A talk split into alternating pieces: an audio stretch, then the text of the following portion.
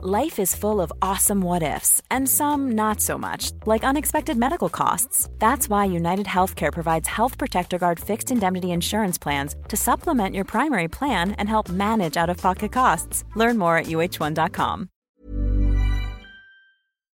Jag tror folk har, de litar för lite på sina egna förmågor. Ja. Jag till exempel, jag har liksom aldrig gått en utbildning i det jag håller på med. Nej. Jag har liksom inte gjort det. Jag är så här, ja men jag är så här, ja jag verkar kunna det här. Och så fick jag det här jobbet, det här jobbet. För att det är vad jag Mm. kan. Men jag tror många har saker som de är grymma på, men som de inte utnyttjar. Jag tror att varje människa har någon form av grej som alla, så här, men som de inte utnyttjar alls. Ja, 100 Eller att de sitter och liksom vet att de har det, men bah, nej, jag är realist. Mm. realist.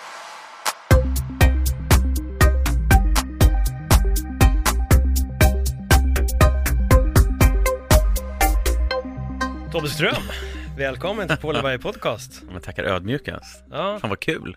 Det verkligen. känns verkligen som att vi är tillbaka på ruta ett. Fan vad det lät. Folk bara, va? Vad menar han? Ja. Snackar han om? Det är så här, det, just tillbaka på ruta ett kan tolkas som extremt negativt eller otroligt positivt. Det beror liksom på så här, hur man vill se Det får de, som lyssnar får tolka det själva. Ja, nej positivt säga. vi dog på ruta två, men vi fick ett continue, så vi fick tillbaka till ruta ett. Nej men kul ju, kul att vara här, kul att eh, du gör din grej. Ja, Mm. tack så mycket. Tack. Faktiskt.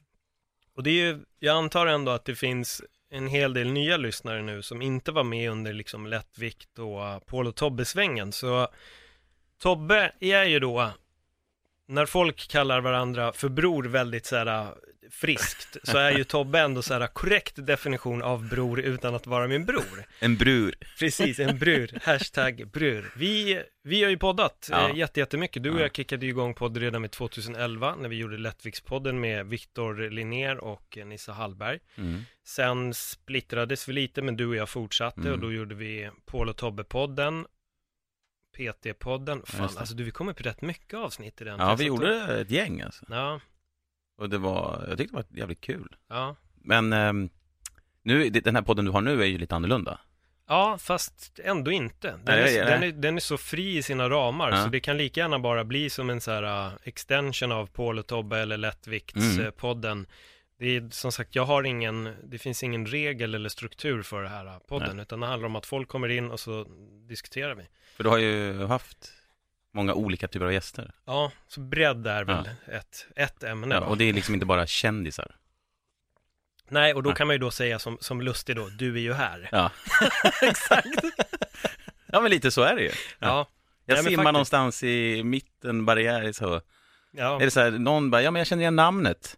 Någon bara, vem är det där? Och någon bara, ja men det är han. ja, Men vem är han? Är det han trollkarlen? ja, precis. Tobbe Blom? Det är det, och och då är det ändå det sjuka i att du är ju, alltså när du åker till Örebro, då är det ungefär som Kardashians kommer dit. Det är ju samma Ja, effekt. Då det är som, jag vet inte alla- om ni har sett när astronauter kommer hem och åker kortege genom stan. Så är det varje gång jag kommer till Örebro. Så folk med flaggor och viftar. Ja, det måste ju vara helt galet. det är sjukt, alltså. jag kan ju Ja. knappt visa mig där. Nej, jag kan otroligt. tänka mig, då, då består ju kortegen av cyklar. också. Och folk som gnäller. Ja, Varför kommer du tillbaka? Och här tillbaks. Vi trodde du hade lämnat oss för gott. Ja, men Ja. fan vad roligt. Och Då, Ja. det blir så här, du och jag, vår, vår sista podd vi spelade in, det var ju faktiskt i samband med, jag tror att sista avsnittet vi spelade in var en, typ ett samtal om making a murder. Ja, det var nog det. På Ja. tal om det så har jag precis sett klart andra säsongen. Samma här, Ja. jag såg klart det för någon vecka Ja. sedan. Vad, vad tyckte du om säsong två? Eh, alltså jag tyck, alltså jag försöker titta på, jag såg ju säsong ett och tyckte så här, fan, eh, det här är något skumt liksom. Mm. Och hans advokater tänkte, fan de är riktigt vassa så. Sen när jag såg säsong två tänkte jag att hans advokater var ju skitdåliga. För hon den där nya hittar ju massa saker som är Ja. så uppenbara, som hon liksom klagar på de andra. Att varför de, inte- och då tänker jag så här, hur dåliga var de här? Mm. Jag tyckte att de var bra. Det är nog så här äh, Och konsensusuppfattningen sen bara, vad fan, de var ju skit. Ja, jag, ja, men jag, det var lite min känsla med. Jag vet inte fan om de var sämst, men, Nej, men, det men de missade jätte, Ja men det var så, här, hur jättemycket kunde de missa det? Ja, och de gick ju på otroligt så här, godan tro ibland när de Ja. hade, när den andra sidan hade sagt en Ja. sak, så sa ja ah, okej, alltså de, de litade på folk väldigt Ja. mycket. Jag kan ju säga det, det- de som inte har sett serien, det handlar ju då om en, en dömd eh, person som heter Steve, Steven Avery, va? Ja. som blev dömd för ett brott mitten på För 80-talet. en våldtäkt, ja. Men blev frisläppt 18 år senare. Ja, För att han var oskyldig. ja. Stämde då staten som han bodde i på flera miljoner. Jag tror att 36 miljoner Ja, dollar. det är svinmycket. Mm. Och blir då sen ditsatt för ett annat mord. Och då är det då lite så att har staten satt dit honom för att de inte vill betala skadestånd och visar sig att de är helt inkompetenta. Bla, bla, bla, bla, bla. Mm. Det är där det handlar om. Den är, jag tycker att den är bra, men det känns ibland inte som en dokumentär. Det känns ibland som en, en serie. Ja, Alltså, förstår du? Det det gör den. Jag, jag, regisserat så här, alltså det känns väldigt, jag ibland. kan känna lite mer än att jag skulle nog vilja ha lite kortare avsnitt. ja, Eh, Jag tror att den skulle gynnas av att kanske vara 45 minuters av, avsnitt, för det kändes väldigt mycket, ibland vart det mycket mjölkande och det tycker jag nog allmänt av serier som är över, när de börjar närma sig timmen, Ja. det blir för långt. det är mycket telefonsamtal så här. How Ja, you doing? Mm. I'm good. Yeah? Yeah, I'm coming tomorrow. Yeah? What do you like to eat? Alltså det är mycket sån, ja jo. Ja, men det, det är mycket grejer man kan ta bort och det är det jag menar, jag, jag tror att mycket läggs in för att det ska bli en timme. Liksom. Ja. Det är som att de måste uppfylla kvoten av 50 plus minuter. Men vad tror du? Vad tror du att han är skyldig, alltså oskyldig? min egen uppfattning av att titta på dokumentären, nu snackas det mycket om att så här, vinklar hit och vinklar dit, men det känns ju som att min känsla säger att det är ju något skumt. Alltså. Mm. Det är ju något jävligt konstigt. När man kollar på också på de här gamla åklagarna, som Mm. börjar liksom, de är liksom lagt ner allting, men de är inne och rotar och ska liksom påverka fallet. Ja. Det känns väldigt konstigt. Jag håller med, jag, jag, jag tycker att det är tvärskumt. Har du sett serien Staircase? Nej. För det är, en, det är egentligen den första serien i den här typen. Ja. Då det är en författare vars fru ramlar i en trapp och hon dör. Ja. Slår i huvudet och då är då har han mördat henne. Det är själva tanken. Men när de börjar göra massa tester så faller många av de här mordscenarierna på, det, det går liksom inte. Eh, Och där har det då visat sig att de här personerna som har gjort mycket av de här testerna har fejkat testerna. Mm.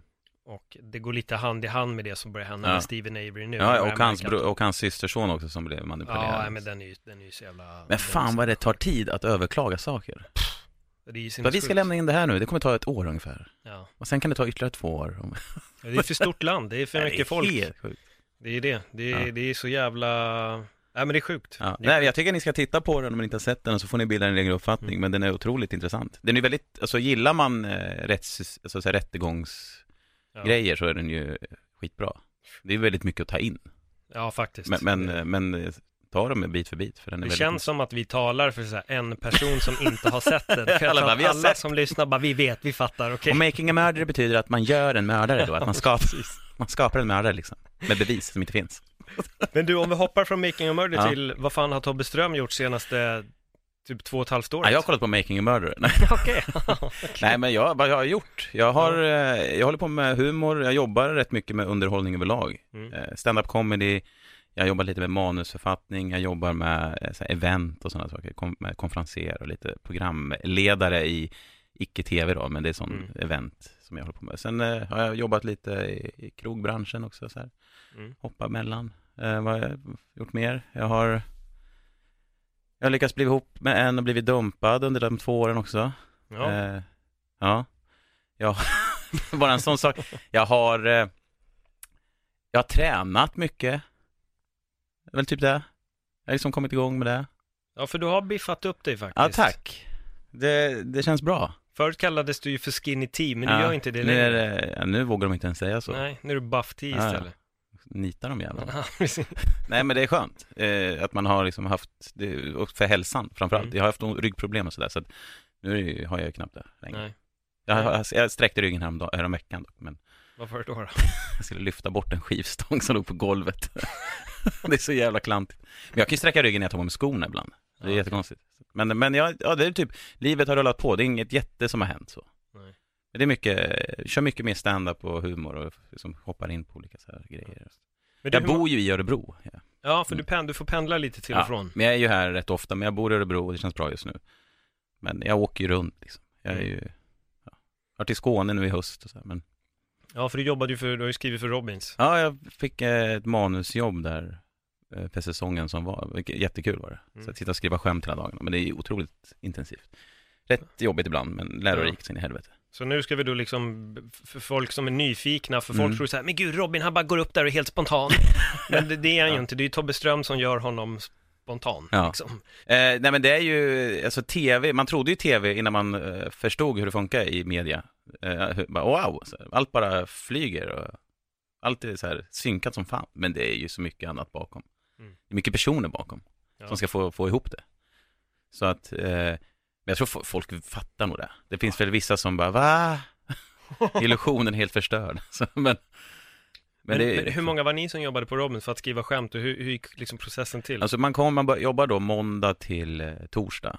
Eh, måndag, tisdag, onsdag är framförallt att skriva ihop allting. Eh, torsdag är inspelningsdag. Så att du kommer på måndag 9 till 17.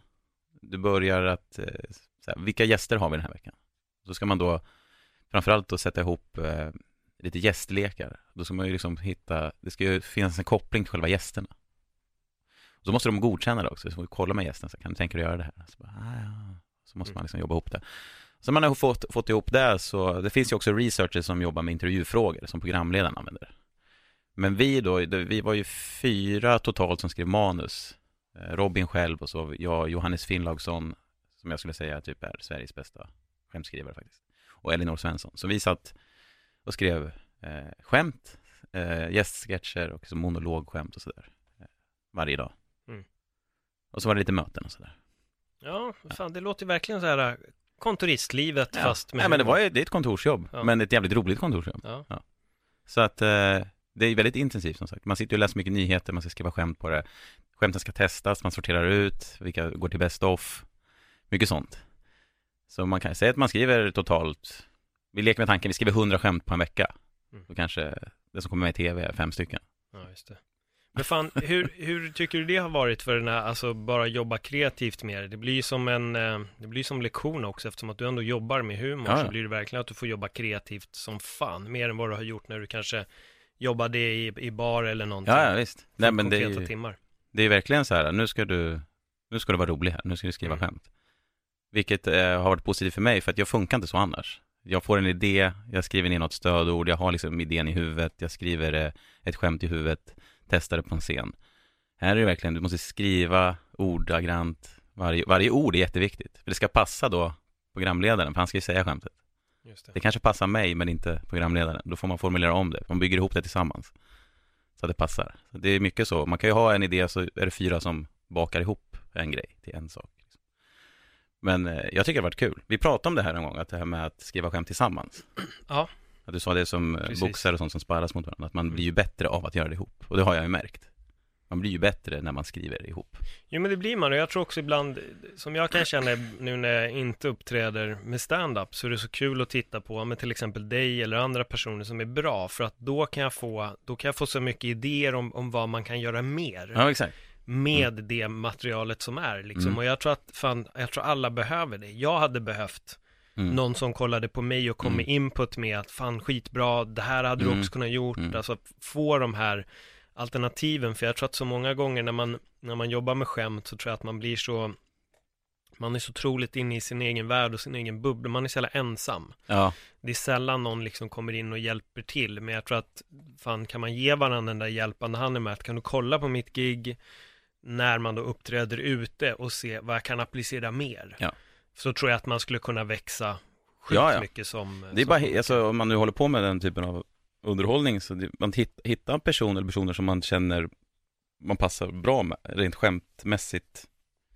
Så det är svårt att säga till någon som man känner man inte klickar med rent. Nej. Kan du kolla på min standup? För då kommer man tänka så här, fast det här, jag vet inte om du... Men man hittar ju en sån person. Nej, så, det, det tror jag absolut, för jag vet att i många, i många så här komikerböcker så står det så här, find your comedy buddy, hitta din komikerpolare, och jag tror att det är skitbra, men du Ja. måste också hitta någon precis som du säger, alltså som du och jag skulle lätt kunna kolla på varandras material. Ja, och för vi har samma typ av... Ja. Och vi tanke. känner varandra. Ja, exakt. Sen tror jag också att om man bara går upp som, där, som folk, sen har vi de här människorna som tror att de är comedy buddies fast de är bara publik som Ja, har suttit och käkat lite mat och sen kommer du, det där materialet du hade där, äh, du kan bara stryka det liksom för det, det var faktiskt inget bra. Ja, Okej, och vem fan är du? Eller bara, du, jag ska berätta en grej. Alltså, jag var på Finlandskryssning med farsan, vet du, skulle på toa. Var det en snubbe som pissade helt snett där inne. Alltså, så jävla kul. Det där kan du, ta med det där. Det där kan du få mig. Det där kan du, det kan du absolut köra. Ja. Ja. Alltså jag vet inte hur många på en fest går fram till en målare och Nej. säger Du, eh, min polare, han brukade dra penseln med vänster hand upp och ner i 90 grader. Ja, det blir skitbra. Du, du får det där av mig, så kan, Kan du du börja göra det. Nej, men det, det, det, är, det är ju just den klassiska. Ja. Att, att det händer aldrig i andra yrkesgrupper. Nej. Det, det är väldigt märkligt. Men eh, jag tror att man, folk har någon förväntan av att man är så här direkt. Ja. Men det är man ju inte. Ibland är man bara så nej jag är ledig. Ja, för jag fick den konstigaste en gång när jag hade giggat och var det en snubbe som, jag hade träffat han på en fest och det sjuka var att jag störde mig så mycket på honom på den Ja. festen. Jag tyckte han var så jättejobbig. Ja. Och han kommer till maffia. Ja. Och så kollar han och så ser han, jag bara fan du var ju faktiskt rolig. För det var det grejen var, han fick höra av min dåvarande flickvän att jag var komiker. Och då var det, ja men då är det kul. Du vet, sån person som ska så här, ifrågasätta Mm. om han är bra eller inte.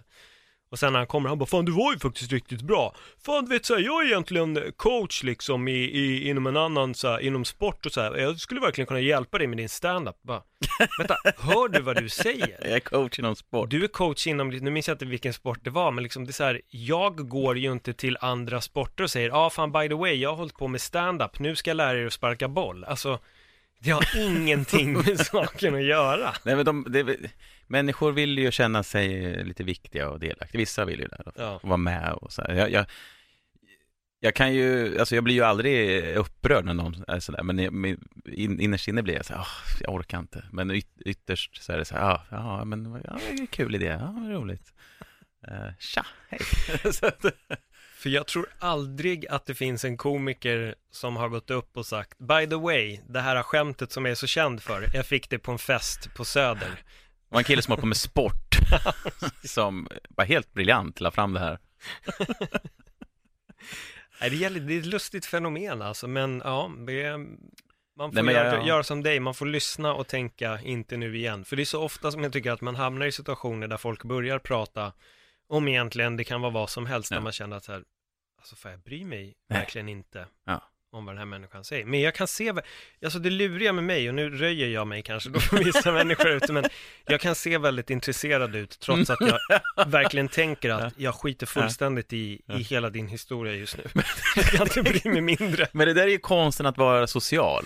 Ja, Alltså att, för det där, jag känner igen det där, man kan ju sitta med någon som du säger och den babblar på om någonting som är helt ointressant. Och ibland kan jag höra mig själv ställa en följdfråga och så bara, varför ställer jag den här frågan? Nu kommer den här personen prata ännu mer om det här som jag inte alls är intresserad av. Och den bara så här, och det liksom går bara in, alltså man sitter, kan ju sitta och tänka på andra saker, så här, Ja. undrar vad jag ska göra imorgon? Och så sitter man och nickar och ler och den bara tror att ja. man, man lyssnar som fan. Nej men det är jag tror att alla gör så på något sätt. Jo, man vill det- inte så här, nej tyvärr jag vill inte prata med dig, man gör inte så i Sverige. Nej, jag tror inte det heller. Däremot så tror jag att vissa börjar nog fokusera på annat. De tar typ upp sin telefon Ja, och börjar tappa fokus där liksom. Men jag, jag måste tillägga att det händer kanske inte om jag liksom är ute och på en restaurang med folk eller alltså Nej. folk som jag har bestämt Ja. en träff med. Utan mer när random Ja. människor börjar prata med mig och så börjar de gå in på väldigt mycket udda saker. Eh, Som en person på gymmet dök upp och frågade mig om en bicepsövning. Mm. Det tar 30 sekunder, sen står han och snackar om hans problem med tarmarna. Ja. Ja, alltså, för jag var så jag bara, vänta, vänta.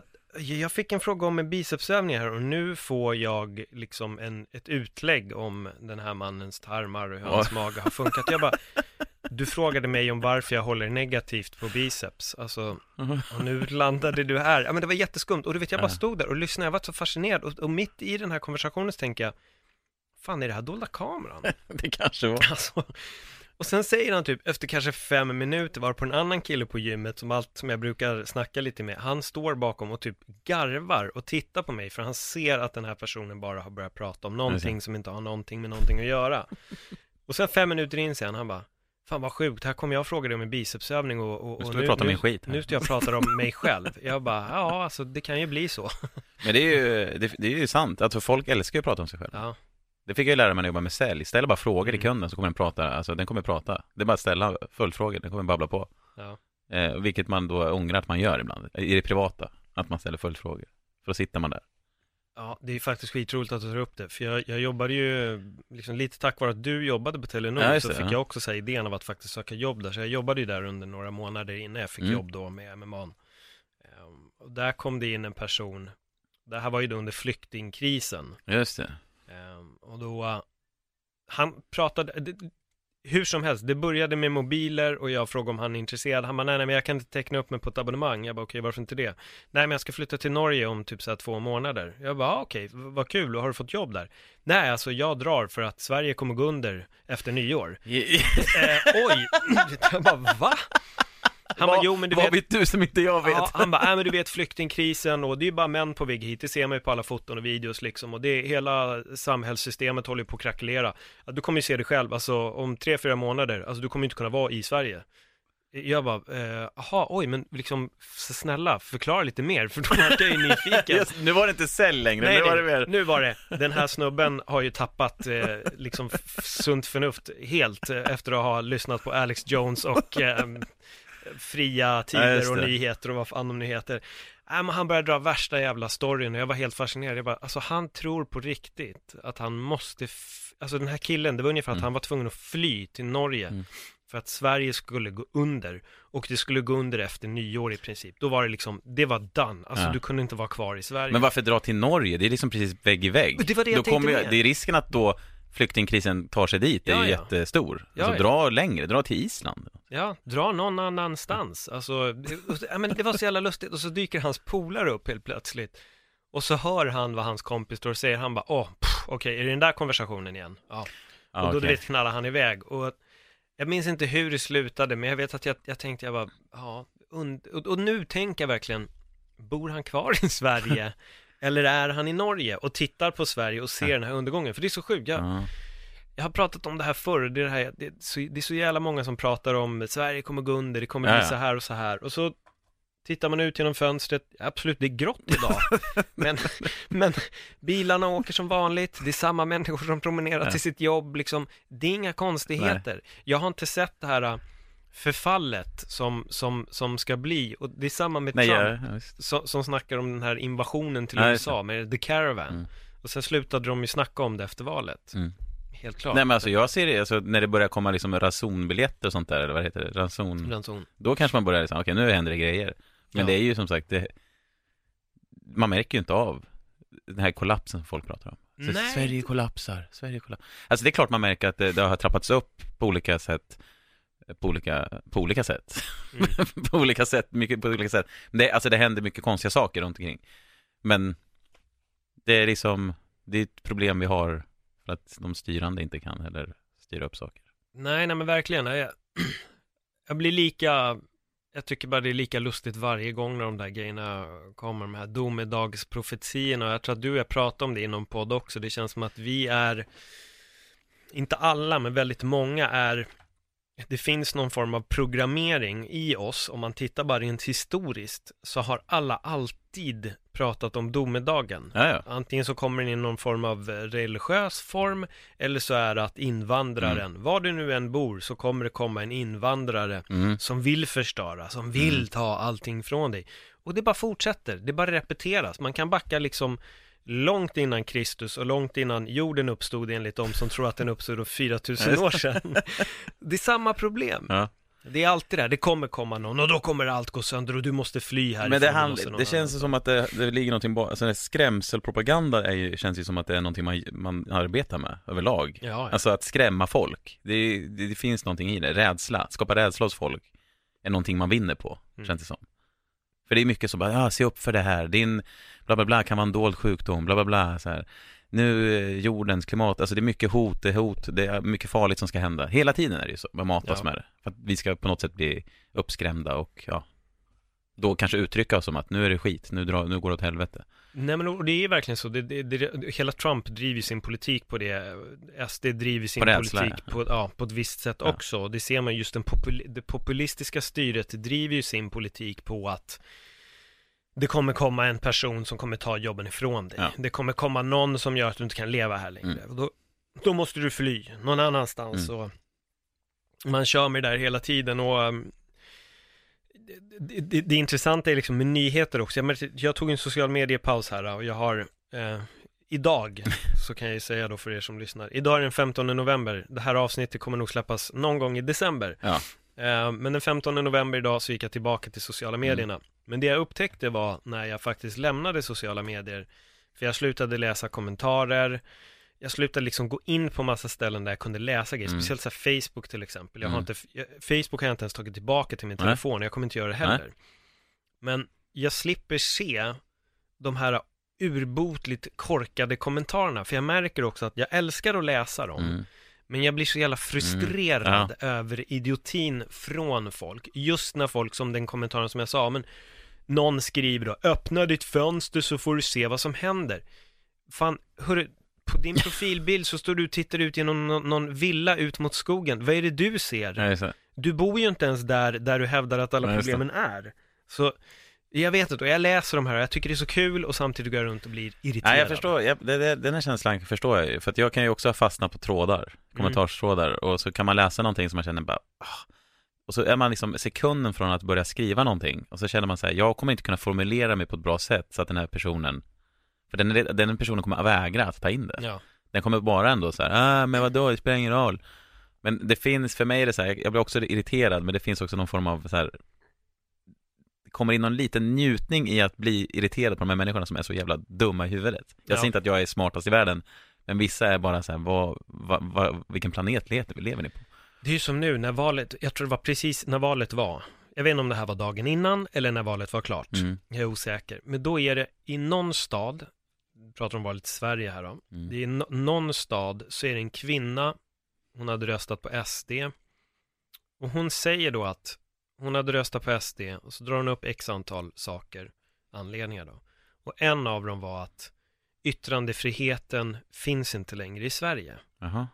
Och när jag hör det så tänker jag bara, förstår du att du står i tv och får föra fram din åsikt, Ja, alltså din Om att yttring, den inte finns. och du menar att det inte finns yttrandefrihet. Du har bevisat för dig själv, det där är det som man brukar kalla för self-owned. Du har ägt dig själv i rutan genom att säga att yttrandefriheten inte finns. Det är en sån metagrej. som Ja, bara- det ser liksom och hon fattar inte, och hon stod och såg typ nästan rädd ut över de sa, det var det är såklart invandringen, det är det här, men yttrandefriheten i Sverige finns verkligen inte kvar. Va?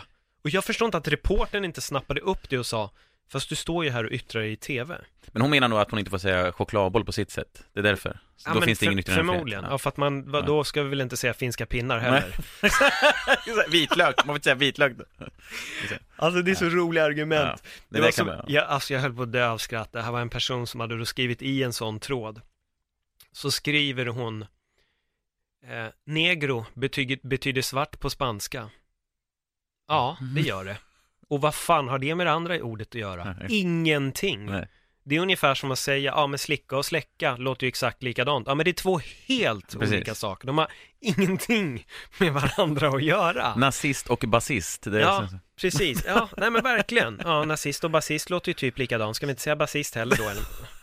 Ja, men det, det, det, det är två helt, du, du, du, liksom, du slänger om ja. bokstäver. Ja, men du vet, Man alltså, vägrar att fatta liksom. Folk är så, ibland är de så jävla koko alltså. Mm. Att jag, Ja. Och man, man kan, jag, som jag kan tycka så här, fan ibland är jag lite så här, ja, men osmart och så här, men ibland, då tänker jag så här, det finns ju de som är extremt mycket korkade. Alltså, alltså för jag kan tycka så här, jag är smart men inte så här supersmart, men jag är ändå tillräckligt smart för att förstå vissa grundläggande grejer. Men jag tror, jag tror ändå så här, jag, jag, jag tror att du behöver inte vara Einstein, men däremot så tror jag att du, du, du bör vara så pass smart att du ändå kan läsa mer än två meningar. Ja, Alltså för, för, för, för man märker att majoriteten gör ju inte det. Det är så här att de, de ser typ ett löp, som det här löpet, du blir osmart av att läsa böcker just det. som han Emanuel hade skrivit. Jag vet inte vad han heter i efternamn. Det delades på sociala medier, jaha, titta fan, du vet, man blir inte smart av att läsa böcker. Och då börjar inlägget med, det är bevisat nu att du blir inte smart av att läsa böcker, bla bla bla bla, bla. Så här, det här skulle man kunna Mm. tro ifall man då inte läser hela texten. Och Mm. sen börjar det ju då om hur du blir smart Mm. av att läsa böcker. Han har ju bara Mm. gjort en parodi. Men det sjuka var att det här blev en nyhet. Ja. Alltså, Ja. någon aktuellt i någon, i någon liten eh, stad Mm. gjorde faktiskt en nyhet och, och hade inte kollat upp det. Nej, du ser. De hade inte granskat det själva, det är så här, men vad fan. Men jag gillar sådana där experiment. Jag, jag, jag vet inte om du såg den här snubben som la ut en bild på en ammande kvinna på ett café. Och så hade han inlett texten med så här, det här är så jävla vidrigt.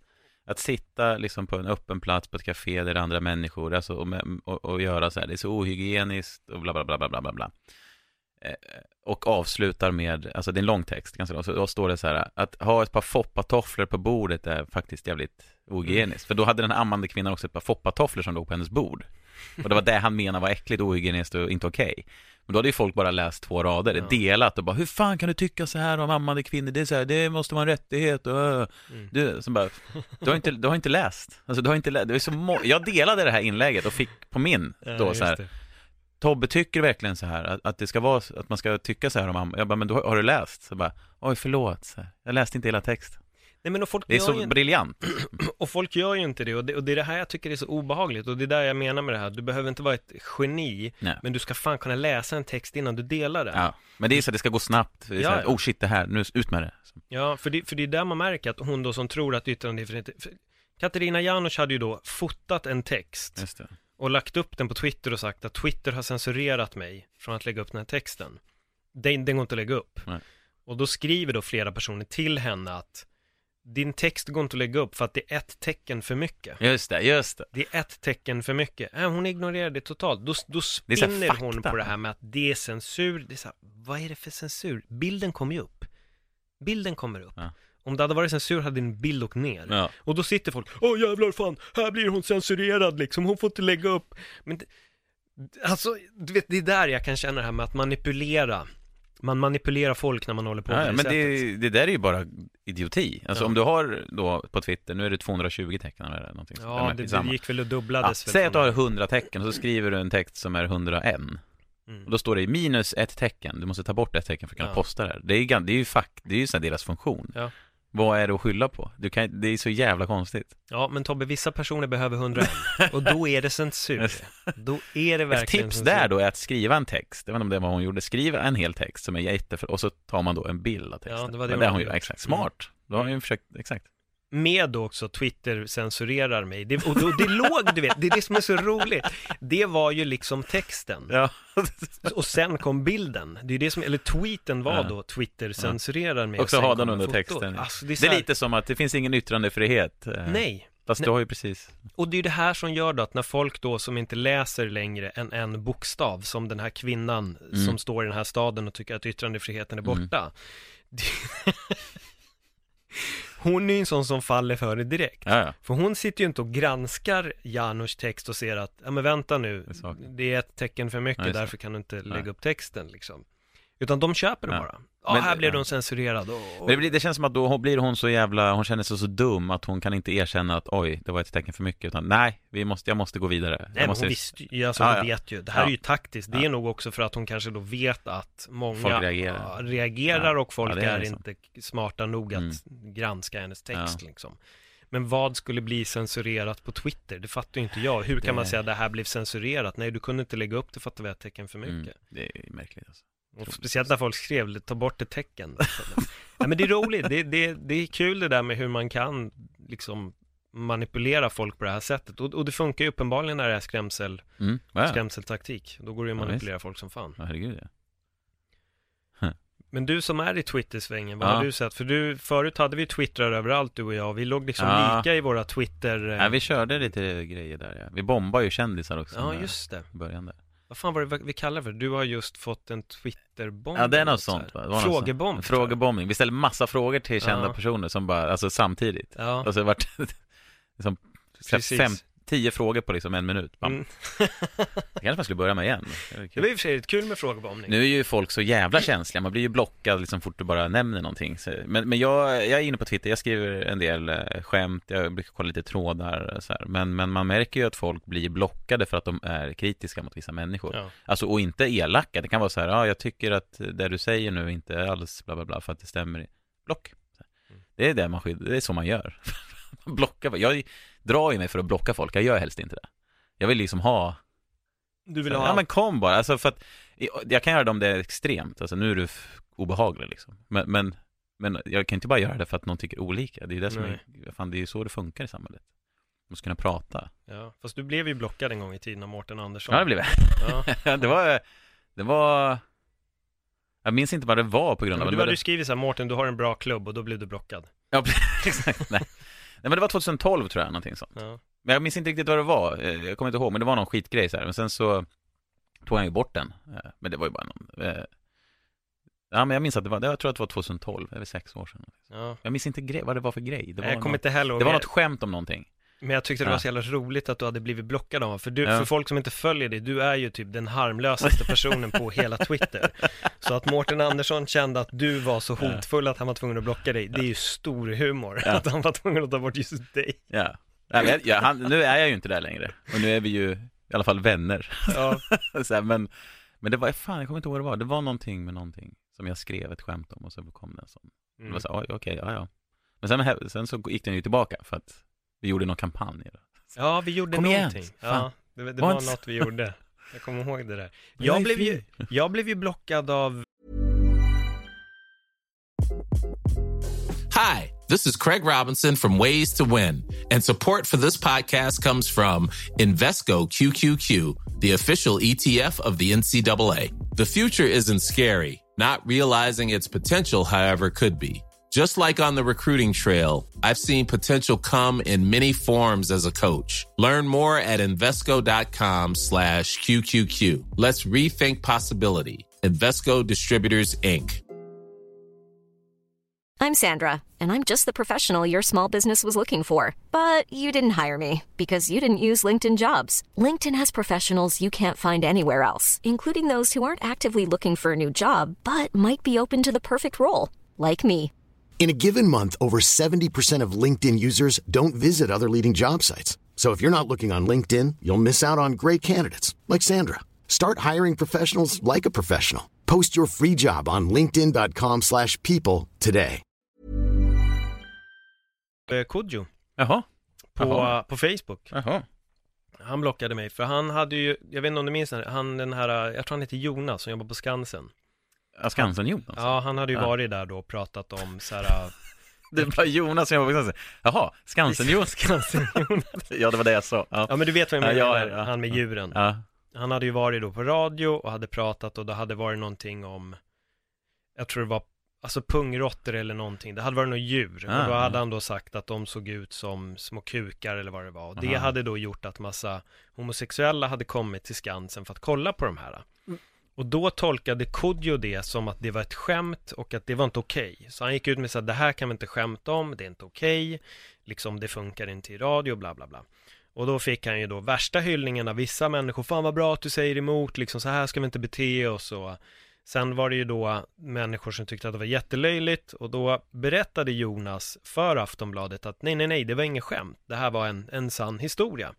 Tidningen QX hade skrivit om de här djuren och på grund av det då så hade jättemånga kommit till Skansen. Så det var ju en anekdot. Ja, Alltså, det, var en, det, var en, det var en based on a true Nej. story. Det fanns liksom ingen förolämpning i det, det var på riktigt. Och då skrev jag en kommentar i det här fältet så skrev jag till Kodjo att det här dagen, det året, det datumet var då Kodjo tyckte att sanningen blev för mycket för sina lyssnare. Då vart jag blockad. Oj, ja. Ja, och ingen, så här, ingen, inget, ingen kontakt först, utan direkt bara. Nej, han blockade mig direkt. Alltså så här, han blockade ju fler. För Ja. det var Per Robin som Ja. frågade så här, har du blivit blockad av Kodjo? Jag bara, nej det tror jag inte. Han bara, jag och Svenne har blivit det. Och då Ja. vart jag så här, jag måste kolla. Och då var jag det. Han hade tagit bort mig som vän. Men så här, ja, absolut, alltså det är ju skitlöj, det är jätteroligt att han blockar mig. Det är, så Ja, här, ja. det är extrem humor på ett sätt. För att jag tror att Kodjo har glömt lite vilken typ av stand-up Kodjo en gång i tiden Mm. körde. Mm. Eh, och med det så här nafsed kände Mm. jag. Men jag tror, sen kan jag förstå på ett sätt att han, att han kan ha blockat mig också för att det där, han och jag brukar inte ha kontakt. Nej. Och jag tror att när han har fått så pass mycket skit Ja. Så blir det så här, då tar han bara bort alla, då Ja. skiter han liksom i, i vad. Ja. Men Per Robin sa till mig att han bara, din kommentar, han bara, man kunde dra mycket skämt där, men din kommentar var så jävla vass. Ja, den, var, den, var, den var liksom för, den var den, för den var lite, bra. ja precis. Den Eh, nailade lite. Ja, jag tror det. Och det så här, ja. Men Han det jobbar på radio, han är där. Alltså jag förstår att han får sina tillsägelser. Men samtidigt blir det så jävla roligt när. Jonas... Det, det roliga där är ju när människor då sitter och hyllar Kodjo för det han har gjort. Mm. Samtidigt som Jonas egentligen faktiskt bara, han drog bara en sann Ja, historia. just det. det. var inget, det var inget konstigt. Men det är intressant också just med blockandet. Idag känns det som att det är typ det allvarligaste man kan åka ut för. Alltså många så här, jag blev blockad av, alltså Ja. förstår det är så här, det är en väldigt så här! Alltså det är det som är, alltså du har inte, det är som att ha ha fått en käftsmäll av någon, Ja. lite grann. Alltså just sociala medier är verkligen så, jag har blivit blockad av, jaha, ja ja. Lev livet. Alltså, det- Jag, jag, jag, skulle inte, alltså jag bryr mig inte om Nej, någon det- skulle nej. blocka mig. Jag, jag vet att jag har några personer som jag har blockat, men jag tror att mina blockningar på Facebook sträcker sig så här väldigt Ja. långt bak. Alltså det är så jävla länge sedan jag var så här, jag tog bort Ja. personer. Nu det jag gör med folk är oftast att jag avföljer dem om jag inte vill se Ja. vad de har att skriva. Men sen har jag väl turen att folk går inte in i onödan och liksom sitter och klankar ner på mig. Jag tror att skulle folk hålla på och såga mig längs med fotknölarna hela tiden, då hade jag blockat dem. Jo, Alltså, det är klart. Det är klart. Alltså, blocka har en funktion för att slippa. Ja.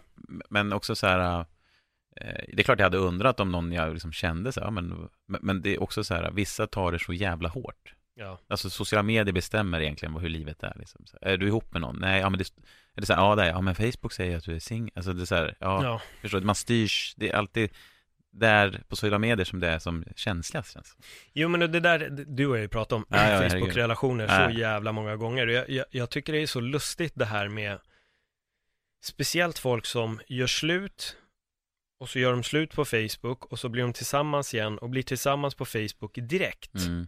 Det Mm. är så här, alltså kan ni inte bara liksom se om relationen liksom rullar istället för att okej, ska vi prova igen? Ja, men Ja, då vill jag du visar vi alla andra också. Då visar vi alla andra nu. Och folk kan ju liksom gå av och på, av och på, Ja. av och på. Det finns ju de som gör det så absurt många Herregud, gånger. ja. Så till slut är det bara, alltså vad fan håller ni på med? Ja. Om ni gör slut, fortsätt bara vara i en relation Ja. på Facebook för att ni kommer ändå bli tillsammans imorgon igen. Ja men det är det, är det som vi pratar om också, de, de som hela tiden måste visa att de är ihop med varandra på Ja. sociala medier, det är de som har det, eh, de som har det Ja, ja. eh, jobbigast. Eller som, Ja. det, det, det den teorin, har jag pratat med flera och många har samma teori. Att de som hela tiden måste visa, för det har jag, jag har sett det mönstret med folk som är ihop med varandra. Som är så här, du vet, Åh, du är bäst. Äh. Sen är det plötsligt bara, ni är inte ihop längre. Nej. Det var ju så här, för en dag sedan var det så här, hur bra som helst. Mm. Och nu är ni inte ihop längre. Det ligger någonting i att så här, vi måste bekräfta, få, vi, typ som att vi fejkar vår relation här nu för att den ska byggas upp. Nej men jag vet. Jag vet inte, det känns... Jag jag håller med dig till 100% för jag, jag tycker också alltid att de som hävdar sin relation mest, Ja. det är oftast de också Ja, som det tar känns, sig det känns som det. Sen finns det där de är så men- jävla kära, det är så jävla bra, Ja. det är så jävla fantastiskt, det är så jävla fint. Det är som min senaste relation, jag, la- jag la ju knappt upp bilder. Men Nej. jag är också lite så här, jag, jag vet inte, jag, fan, jag har mitt privatliv och sen har jag mina sociala medier. Ja, det är lite så Ja, det funkar för mig. ja. Alltså jag, du får se vissa saker Mm. i mitt liv och sen är det så jävla mycket som jag inte kommer vilja Nej, visa det, upp. det är klart. Och jag Man har väl känt lite, för mig så har det väl blivit, alltså desto mer så offentlig som jag då har blivit, Mm. desto hemligare Ja. blir jag på mina sociala medier. Men det har ju med integritet att göra. Man vill Ja. inte slänga ut allt man gör. Nej men li, lite så, jag är nog mer såhär, jag håller det lite på ytan. Det var som en kompis sa till, dig, till, till mig, va? man ser vad du gör, men man vet inte egentligen vem du är. Nej, just det. Jag sa, nej, perfekt. Det är, ja, men det är precis det jag vill ha fram. Ja. Jag, sa, jag vill förmedla med, det, det är ett verktyg för mig. Så jag Mm. vill förmedla med en podd, jag vill förmedla med kommentering, humor, vad jag än gör liksom. Så det ska ut på mina sociala medier. Sen om jag liksom sitter hemma och äter chips med en annan person, det är egentligen oväsentligt. Ja, Alltså, ja, så här, mina vänner vet om Vem jag har en relation eller Ja. inte och de vet vem jag är Ja. liksom. Och det räcker. ja, Det är så här, det är där, där, så funkar sociala medier för mig. Men jag tror också att det kan bli knepigt för folk som har sociala medier och har sina 200 vänner, vänner som följer dem. Mm, Det är lätt att bomba upp med allting som liksom verkligen är mm. deras eget, eget Mm. liv liksom. Men, Nej, jag, ja, alltså jag är ju också, jag, jag lägger inte ut allt egentligen. Jag kan lägga ut lite personliga grejer, men jag bestämmer ju hela tiden själv vad jag vill lägga Ja. ut. Och vill, har man en uppfattning om vem jag är så får man ha det, men om man träffar mig personligen så får man en riktig uppfattning. Mm. För många kan ju tro då att eh, man håller på med humor till exempel, men du är ju alltid en sån jävla glad jävel och rolig, fy fan, det skämtar på hela dagarna. Alltså. Så, man, så kanske man hänger med mig och bara, det är så jävla skönt att bara sitta och inte säga någonting och bara kolla på en dokumentär. På den andra sidan. jo, Men men, så här, det, va? men jag håller med, för det, för det där tror jag är den här, vad ska man säga, när folk ser en uppträda så tror jag nog att de tror att man är den här scenpersonen hela tiden. Ja, att man är så här, woho, yeah. Ja, fast man är ju inte det. Alltså, Nej, det, det går inte det. Det vore omänskligt. Jag har tänkt på det också så här ibland, för just på, genom mina livechattar och min kommentering så är det vissa personer som har velat träffa mig. Att så här, fan jag vill träffa dig, jag skulle vilja snacka med dig och hit och dit. Och, så att, eh, jag, och då har jag tänkt så här bara, vad är det egentligen som är så kul med mig? Alltså förstår du så här, jag är inte så jävla rolig. Alltså fan, jag, jag, jag vet inte. Nej, Men- jag fattar. Ja. jag, jag, jag vet inte, ibland blir men, men samtidigt så förstår jag, för, för jag vet också så här, äh, förut så kunde jag också känna att när jag var yngre då, innan jag gjorde liksom allt det som jag gör idag, så vet jag att det fanns vissa, om man ser några kändisar eller personer som på något sätt hade påverkat mitt liv, där jag kände fan, jag skulle så gärna vilja snacka med dem, men sen när jag verkligen tänker ordentligt så är det så här, vad skulle jag egentligen fråga? Mm, Vad skulle egentligen konversationen bli? Alltså vad, eller är det bara att jag vill höra dem prata Mm. till mig? Mm. Eller är det att jag har något att säga till dem? Mm. Alltså förstår du vad jag menar? Ja, För det är sån jävla skillnad, för jag tror ibland att många tror då att, men om jag träffar den här personen så kommer den personen kunna föra värsta dialogen med mig. Men det är inte riktigt så det funkar heller. Nej. För att om du vill träffa mig, då är det du som ska ställa frågor till mig. Ja, ja, exakt. Inte jag som ska ställa frågor till dig. Så det är alltså du som intervjuar Paul, eller Tobbe. Ja. Du får föra det här, du får liksom Exakt. styra det här. Ja men så är det ju. Så det kan också bli så här, hej fan jag älskar din grej, ja fan vad kul, och så är det tyst i en timme sen. Alltså, Har du inga frågor? ja, Nej, jag vet inte. Jag tyckte bara kul att se dig live. Men sen är det ju skitkul, alltså det är jätte, alltså jag blir ju glad när folk ändå Ja, säger sånt, så jag, jag skulle vilja träffa dig, det är, absolut, det är skitkul, jag skulle gärna kunna träffa liksom 30 pers som vill träffa mig Mm. samtidigt. Mm. Men one-on-one skulle bli jävligt knepigt och då skulle det liksom bli så här ett heltidsjobb. nu ska jag gå och fika med nästa person. nej men det, ja. Och, och att så här, äh, jag kan ibland få tänka så här, fan jag upplevs nog kanske lite som tråkig jämfört med Mm. hur jag är utåt så här. Om jag träffar någon person Ja. så här, som bara så här, ja men, och jag är så här, ja jag kanske inte säger så mycket för jag är så här bara, och då blir jag så här, fan, uppfattas jag som så här skittråkig nu? Men det är bara så här jag är. Alltså Mm. jag har ju mitt uttryck där. Ja. Sen, sen är jag rolig när jag är, när jag känner för det. Inte så här, ja, dra något kul här nu. Utan, nej, jag gör det när det kommer på plats, när jag känner för det. Ja. Då är jag rolig. Och som roligast. Ja, nej, men det är ju så Ja. det är, för, för jag kan känna för mig själv, jag är så här, jag är extremt, jag ska inte säga att jag är extremt introvert, men jag är en väldigt introvert person. Jag är en, en tänkare, jag gillar att sitta för mig själv, jag gillar att tänka. Du är som jag. Ja, jag behöver min egen tid, du vet, jag, jag, jag, kan, jag kan sitta själv i flera timmar, Ah. jag har inget Nej. problem med det alls, alltså, Nej, det är jätteskönt. alls. Ja. Och jag kan tycka att det är skönare att vara helt själv än att vara ibland bland folk, mm. men däremot så njuter jag sjukt mycket av att vara i centrum, typ på en scen, Ja. bland Ja. folk. För där kan jag på något sätt så här genuint ge ut massa energi, Mm. men när det handlar om att så här, stå och kallprata med två, tre pers, alltså jag, Nej, jag, jag är sämst. Nej, det där är, det är exakt så som jag är också. Jag, det är som att när jag är själv, så det, är- det är nice liksom. Det är som att jag, då samlar jag min energi för att kunna åka till det här stället där det är 100 pers som jag ska liksom gå runt och småprata med. Mm. Och när jag har gjort det ett visst antal timmar eller ett par timmar, så kan jag känna så här, nu vill jag åka hem igen och bara sitta helt själv. Ja, För då börjar batteriet ta slut. Så att jag, jag är sån, jag laddar upp för en, en sån grej genom att vara själv. Och sen så tas min energi, så måste jag liksom, alltså, det heter väl så här introvert extrovert, att man är både och. ja Men det här med att vara själv har inga problem med. Nej. Och sen att vara med folk jag tycker om är, ju- funkar ju, såklart. Men att vara själv är så här, det är så nice ibland. Ja. Nej, Eh. jag tycker det är skitskönt. Jag tycker det är skitskönt. Jag tror att om man inte är en sån person så tror jag det kan vara så här, man kan ha svårt att förstå det. mm, Ty- Typ, för jag vet att min, mitt ex till exempel, hon Mm. var väldigt mycket gillad att göra saker hela tiden och Mm. jag har inget problem att haka på. Alltså, Nej, nej. Jag har också inget problem att inte göra ett jävla skit och det är ibland positivt och jävligt negativt. I vissa tillfällen så är det extremt, extremt Oh, ja. negativt. Men, men nej, jag vet inte, jag har, aldrig haft det problem. Jag vet till och med när jag var liten, och min mamma sa det också när jag hade kommit hem och varit på någon sommarlov eller någonting, att jag kunde liksom bara stänga in mig i mitt rum och kolla på film liksom i Mm. två dagar och orkade inte prata med Nej. någon. Jag behövde bara få så här egen, helt Ja. egen tid. Nej men jag har ju alltså, haft en relation där liksom den, den ena har varit så att "Men vi måste göra något, vi hittar på något så här. Och jag är så här, ja absolut. För att jag är så här, jag, det kanske också framstår som så här tråkigt att jag är så här, ja men vi gör det. För att jag kan göra vad fan som helst. Men det är nice att vara här också. Ja. Och då blir det så här, ah fan. Så att jag har liksom glitchat där ibland. För att jag är inte den som är så här, åh vi måste göra det här nu. Så här, nu är vi lediga, ja Nej. vi måste hitta på någonting. Jag, bara, jag behöver inte hitta på någonting. Nej. Jag kan hänga här. Eh, Vi tar det, får vi en feeling och gå ut så gör vi det. Alltså så här, jag behöver inte bestämma det. Nej, Det var en tjej jag dejtade för en massa år sedan, så jag vet, man hade inte mer än att vakna på lördagen, så var det att vi, man skulle ut direkt. Ja, fan. Och för mig, så här, jag älskar så här, ta det lugnt, gå upp, slappa, softa liksom sen, men det var så här, han är inte mer än att komma upp och så var det okej nu ska vi ut, ska Nej, dit, ska göra det här, ska göra det här. Det tog mig två, tre timmar att vakna. Ja, ja. Alltså jag var så trött, så här, vi skulle till någon butik dit, vi skulle gå och luncha där, vi skulle göra det här, det var så mycket som hände och jag var bara helt fy mossig i pallet. Och det var ju också en tid då jag liksom verkligen hade ett jobb då jag jobbade Ja. mycket på vardagarna. Inte som nu när det är någon så här lyx, men då jobbade jag väldigt mycket på vardagarna. Så när lördagen kom, jag ville bara sova. Ja, Men det var så här, upp tidigt, bara alltså shit, jag pallar inte alltså. nej. Så det var ju typ så här, jag sover hemma istället, så ses vi. Men det är så här, man, ja, det är alla människor olika. En sån person ska ju vara kanske med en person som då är på samma nivå. Ja, Eller så är man med en person som då säger, ja, jag gillar att sova till elva. Ja, nice, jag också. Bra. mm. Och sen behöver man inte stressa. Nej, perfekt. Du och jag ska hänga. ja. Eller så, jag, jag tror också att när man vill ha en riktig relation, bor ihop, då tror jag att man, så här, man börjar respektera varandras grejer. Så här, du, jag, Ja. jag sover, gå ring, ring Kerstin och så kan ni gå ut och det är okej.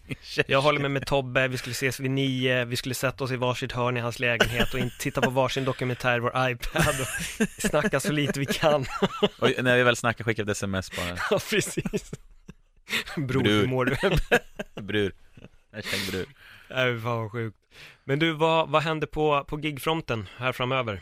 Eh, Ja, det här, det här, nu är vi i december va? Ja, exakt. Då har jag giggat på en del. Jag har varit både i eh, Stockholm och giggat, haft en super weekend eh, som är väldigt roligt. Det är på Mafia Comedy som du, eh, Mm, Peter, som du tog med mig faktiskt in på i i början där.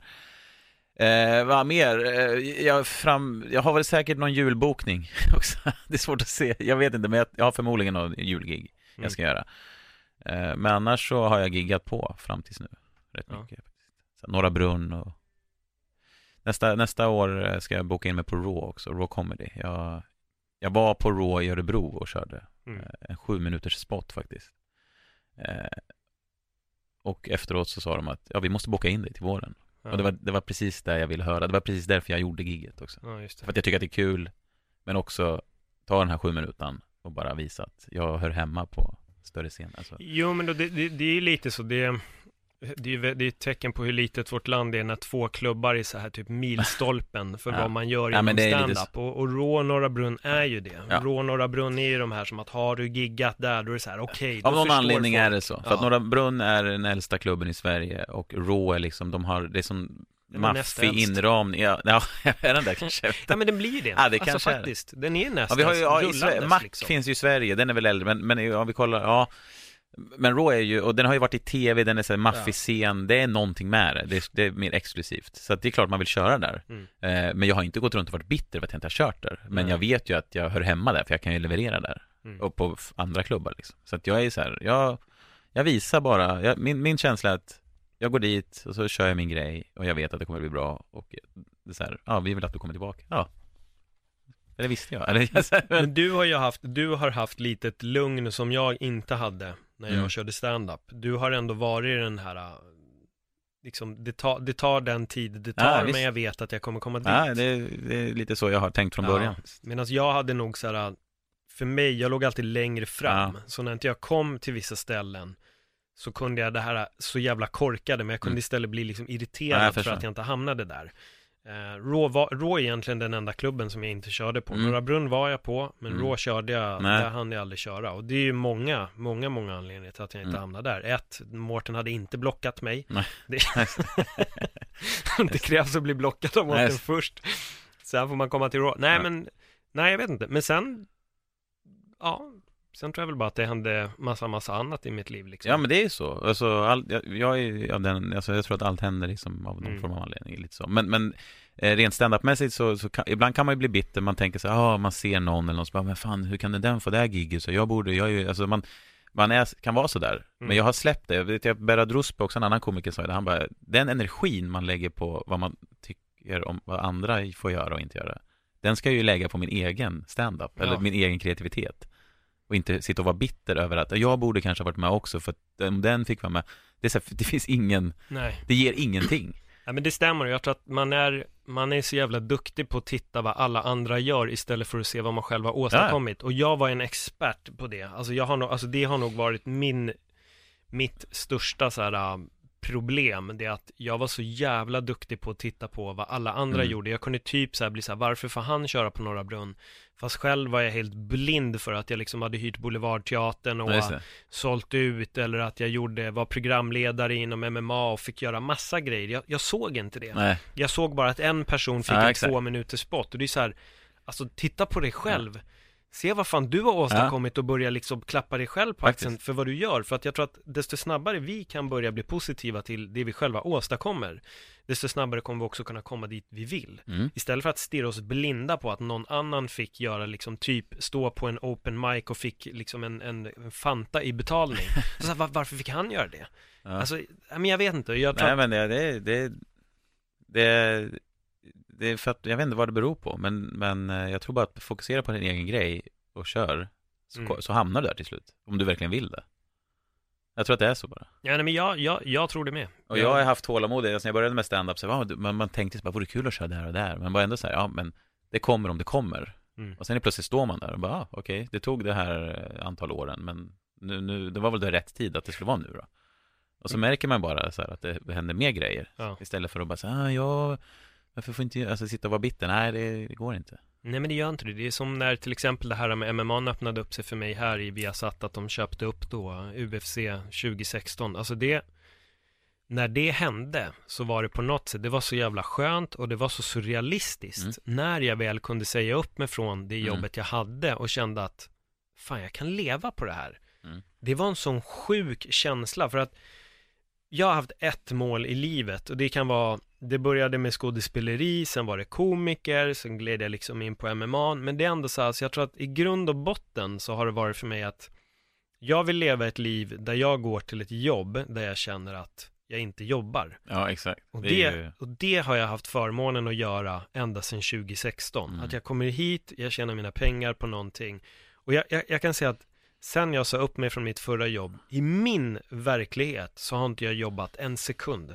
Mm. Jag upplever det som att jag har haft semester i snart tre Och år. Då har du ju, det är ju ett tecken på att man har lyckats. Ja, och det är en sån jävla skön, det är en sån, sån otroligt skön känsla. Och någonstans så har jag heller aldrig, jag har aldrig gett upp. Jag har aldrig heller gett upp att försöka nå dit, att så här, fortsätta kämpa.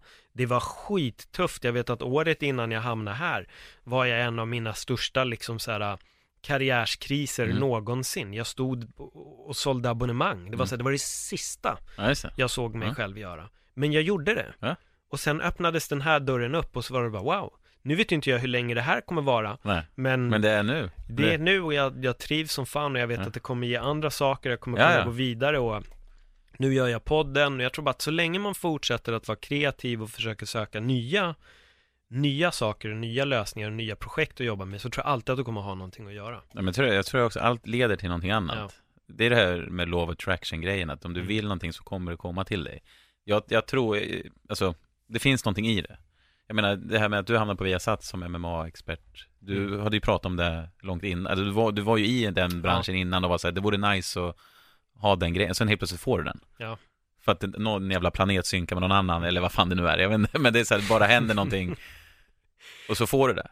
För att du ville det. Ja, Ja. ja. men då det är det som Det är så låter flummigt, det- men jag tror att det, det är så här, Nej men det, det ligger nog, vill du ha det så kommer du, det kommer komma till dig. Jag tror det och jag, jag tror också att det är så lustigt när folk säger till exempel att Ja men vi säger, vilket, det, det finns yrken som är eh, knepiga. Det Mm. kan vara allt från så här, ja, men bli mäklare, Mm. makeupartist eller Mm. vad fan det nu må vara.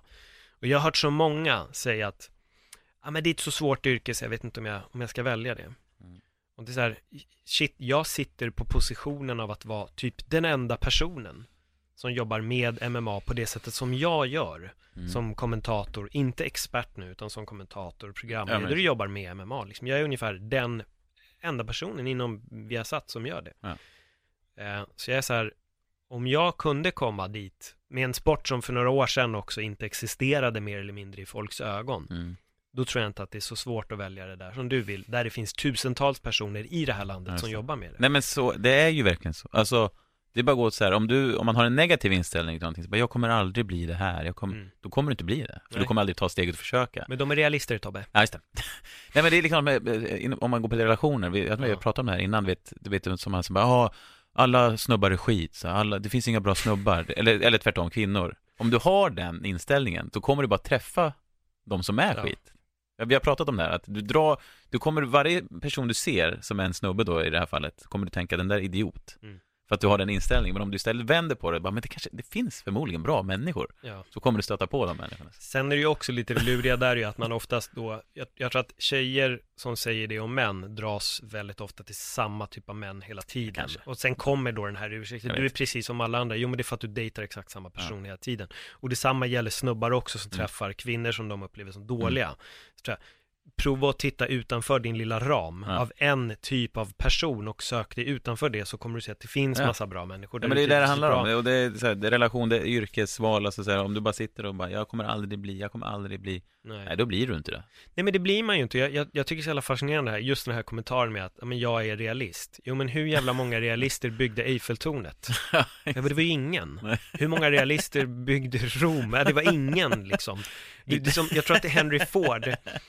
Henry Ford har ju fått frågan då, han bara, hade jag lyssnat på vad folk ville ha, då hade jag gjort snabbare hästar. Just det.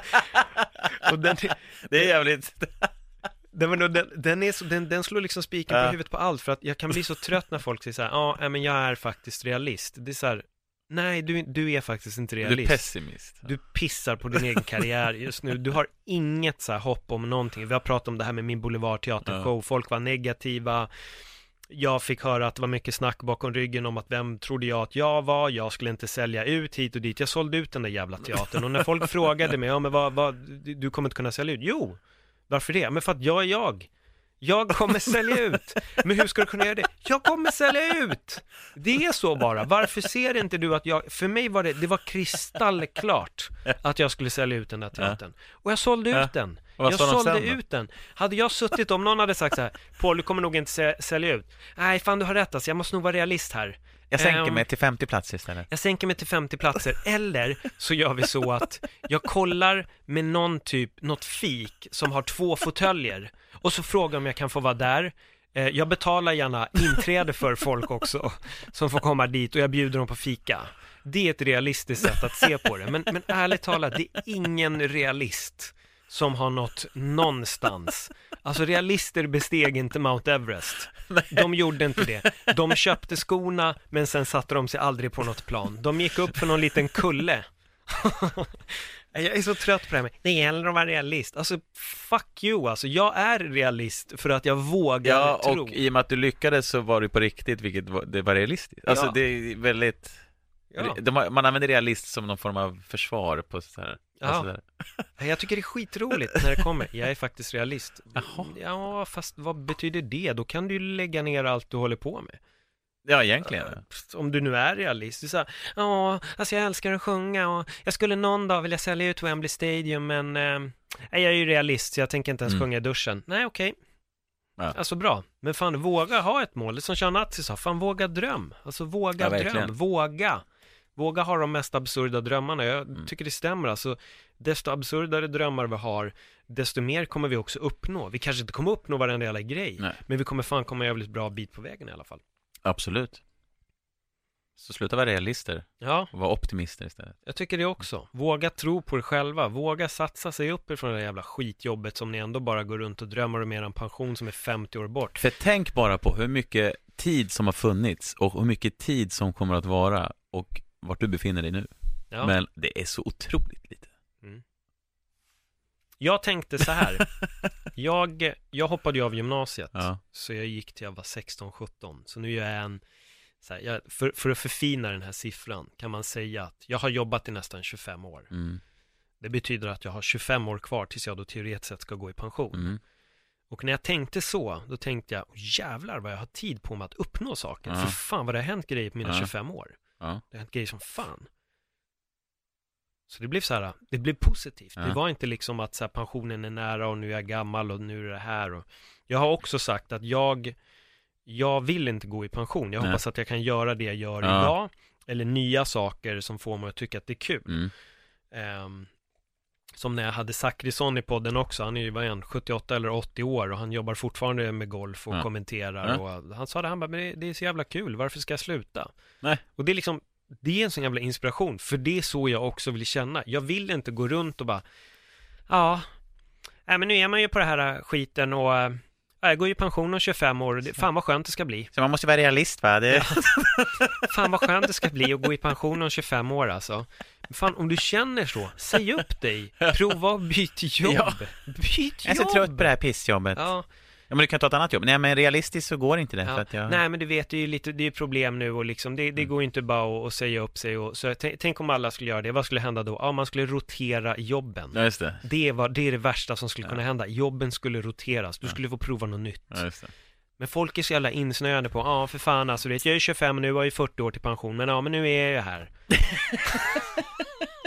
Vad fan? Fan vilka visioner vi har här alltså. men kom igen. Sen behöver inte alla bli liksom storslagna, Nej. men fan hitta något du trivs med, hitta något som fan ändå gör, det är det som jag känner i det här huset till exempel.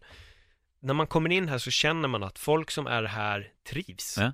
Folk, är, folk är nöjda, folk är glada på Mm. jobbet, folk har kul Mm. liksom. Och då blir det ju toppen. Då blir det toppen. Och jag menar, ehm, det här med att så bara, ja men eh, pension, jag längtar till pensionen. Ja men när du pensionerar dig, då kommer du kanske inte orka eller kunna göra saker som du borde ha gjort nu. Alltså när Nej. du är 25. Det, det, många säger bara, ja jag längtar till pensionen, så kan man då fri, då kan man göra vad man vill. Mm. Ja, men gör de grejerna nu, för de, de grejerna kanske du kan göra sen när du har ont i ryggen eller pajat lå- lårbenshalsen och sådana saker. Jag förstår inte vad grejen är med att pensionen ska vara någon jävla... Om, om man tycker att pension är frihet, då är det någonting fel där man är nu. Ja, nej men Det då, är känns du, då erkänner du att du är fången Ja. idag. Om du gud, ser- om, som du sa, bara, gud vad skönt det ska bli om tio år. När jag... Ja. Varför då? Ja, men då slipper man... Ja, men då är du ju på fel plats nu. Ja, sen är jag inget problem med folk, alltså många är ju då, har den här ångesten sista åren innan pension, det köper jag. Ja, rakt av. herregud, du, det du får kan man väl ha. absolut få känna så, så att du biter i sura äpplet Mm. med ditt skitjobb. Eh, Okej, men du ska inte känna så när det är 20-30 år Nej. kvar. Ja, fan, nej, man längtar bara till pensionen eller, ja, nu är semestern över, ja, nu tittar man ju bara liksom på klockan och uh, fan låter tiden gå till nästa fem veckor, nästa gång man har ledigt till fem veckor. Wow, så, alltså. alltså shit, tänk dig, alltså, det för mig, det blir så deprimerande. Ja. Att, att känna det här att man bara ser Ja. fram emot nästa semester hela tiden. Äh, nu är det fredag, man måste kröka bort fredagen så man kan börja jobba på måndag igen. Mm. Alltså du kanske borde kröka på jobbet istället. Nej, men det är också så här, om man, om man säger, vissa människor kan ju ta, om man säger det här att, ja men, gör så, så, så blir de ju, kan de ju bli så ja men vadå, du vet, jag är uppväxt på ett annat årtionde och Mm. det, det funkar inte så. Ja, fast det gör ju faktiskt det. Jag är realist. Jag är realist. Jag behövs. Du är en jävla behövs. pessimist som sitter och klankar ner på mig för att jag vill... Du sitter där och pratar i någon mikrofon bara för att du skriver dina jävla skämt på det där Robins va? Han lever någon halabaloo i nå- någon jävla låtsas. Nej men det- är ju så här, alltså jag har inte, jag har tänkt på det också. Jag tror folk har, de litar för lite på sina egna förmågor. Ja. Jag till exempel, jag har liksom aldrig gått en utbildning i det jag håller på med. Nej. Jag har liksom inte gjort det. Jag är så här, ja men jag är så här, ja jag verkar kunna det här. Och så fick jag det här jobbet, det här jobbet. För att det är vad jag Mm. kan. Men jag tror många har saker som de är grymma på, men som de inte utnyttjar. Jag tror att varje människa har någon form av grej som alla, så här, men som de inte utnyttjar alls. Ja, 100 Eller att de sitter och liksom vet att de har det, men bara, äh, nej, jag är realist. Alltså, Mm. realist. Nej men absolut, det, då vinner du och jag har ju en favorit i Alan Watts. Ja, herregud ja. Och speciellt det här klippet med vad skulle du göra om pengar if money wasn't an option? Ja, den är ju helt fantastisk. Den är skitbra och jag, och jag tycker att han, han slår spiken på huvudet på lite hur jag lever mitt liv, hur du lever ditt liv. Det är så här, jag har jobbat mina skitjobb. Jag, Mm. har, jag har gått långa, långa perioder utan pengar. Det är så roligt för min gamla teaterlärare sa alltid, ja, innan du lyckas, du måste vara fattig som kyrkråtta. Ja, just det. Du måste vara fattig som kyrkråtta. Det var så här stämpeln. Ja. Och jag var så här, "Ah, ja ja okej, fast det sjuka är att jag något sätt har liksom levt det här jävla fattig som är kyrkråtta-livet. Inte för att jag har velat, men bara för att jag har, ha- jag har, fan om inte jag njuter alltså, jag har svårt att, Mm. att göra grejer. Pengar har aldrig varit min, min drivkraft har aldrig varit pengar. Nej. Min drivkraft har alltid varit välmåendet. Det var som Ja. en, en, en polare sa till mig, han bara, jag blir så imponerad av dig Paul, han bara, du, du har alltid gjort det du vill. Jag bara, jo men fan, jag bara, du har istället sjukt mycket pengar och kan göra mycket grejer som jag inte vill. Han bara, det kanske jag har. Han bara, men jag är fan aldrig nöjd på mitt jobb och det är du. Mm. Då var jag så här, ja, ja, jo, fan det ligger något, något i det liksom. Det är klart. Och jag tror att, till, jag, jag tror ändå så här, du kan leva det livet om du har ett mål. Däremot så är det skitfarligt att leva fattig som en kyrkråtta livet utan att ha en framtida vision. Ja, det, det är klart. Då måste du göra någonting för att ändra på det. Ja. Men, nej, Det, det, det redde ut sig till slut. Och det, det, jag tror fan det gör det. det, det, den där Alan Watts-grejen stämmer. Ja, han var ju, han var ju filosofernas filosof känns som. Är, ja, Ja. Fan, många bra Ja. tankeställare. Nej, han är riktigt, riktigt bra. Så om ni inte har hört det så tycker jag Ah, att ni gå ska in på YouTube och, bara, gå in och lyssna. Det finns många bra grejer. Men Tobbe, Ja. var, var hittar folk dig om de är nyfikna Jag har på... ju sociala medier, va, så att säga. Mm. Jag har, på Instagram heter jag Tobbe Strom. Eh, På Twitter heter jag Tobbe Strom. På Facebook heter jag Tobbe Ström, Sveriges roligaste örebroare. Det är en sida jag har där jag lägger upp allt möjligt från när jag giggar till någon jävla klipp på någonting eller någonting. Eh, Så att jag har, jag använder dem, eh, ja, ganska så här, aktivt Mm. faktiskt. Eh, Ja, det är väl bara, det är bara lägga till. Ja. det är inga Grymt. problem, jag är inte den som är den, så kör bara. Mm. Härligt. Fan, eh, jag märker ju det direkt när du och jag väl börjar prata. Men det går undan ja. Så går det fan undan alltså, då, då börjar det hända, det händer mycket grejer. Så om ni aldrig har hört oss podda tidigare så kan ni tyvärr inte lyssna på de gamla poddarna för de är borta. Men eh, ja, Men, så här men, lå- men låter det de kan väl göra så att om ni känner efter det här avsnittet att fan, vi vill ju höra mer, så kommentera på Pauls Instagram eller, något, eller på Eller bara, Tobbes. Så säger ni bara, fan vi vill ha mer. Mm. Vi vill höra mer. Jag- känslan säger att ni vill ha mer. Ja, precis. Folk behöver mer ström.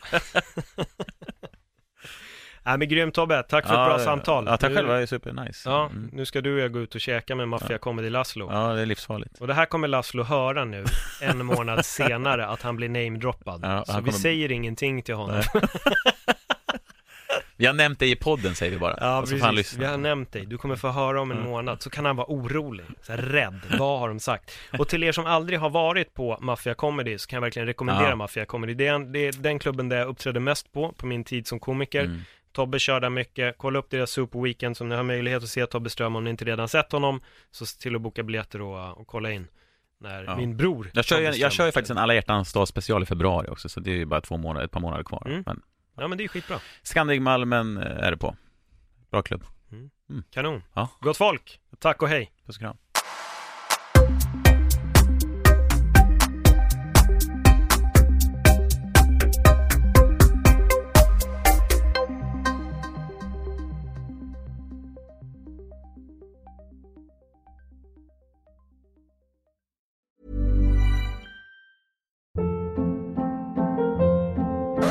Hold up. What was that? Boring. No flavor. That was as bad as those leftovers you ate all week. Kiki Palmer here, and it's time to say hello to something fresh and guilt-free. Hello Fresh. Jazz up dinner with pecan-crusted chicken or garlic butter shrimp scampi. Now that's music to my mouth. Hello Fresh. Let's get this dinner party started. Discover all the delicious possibilities at hellofresh.com.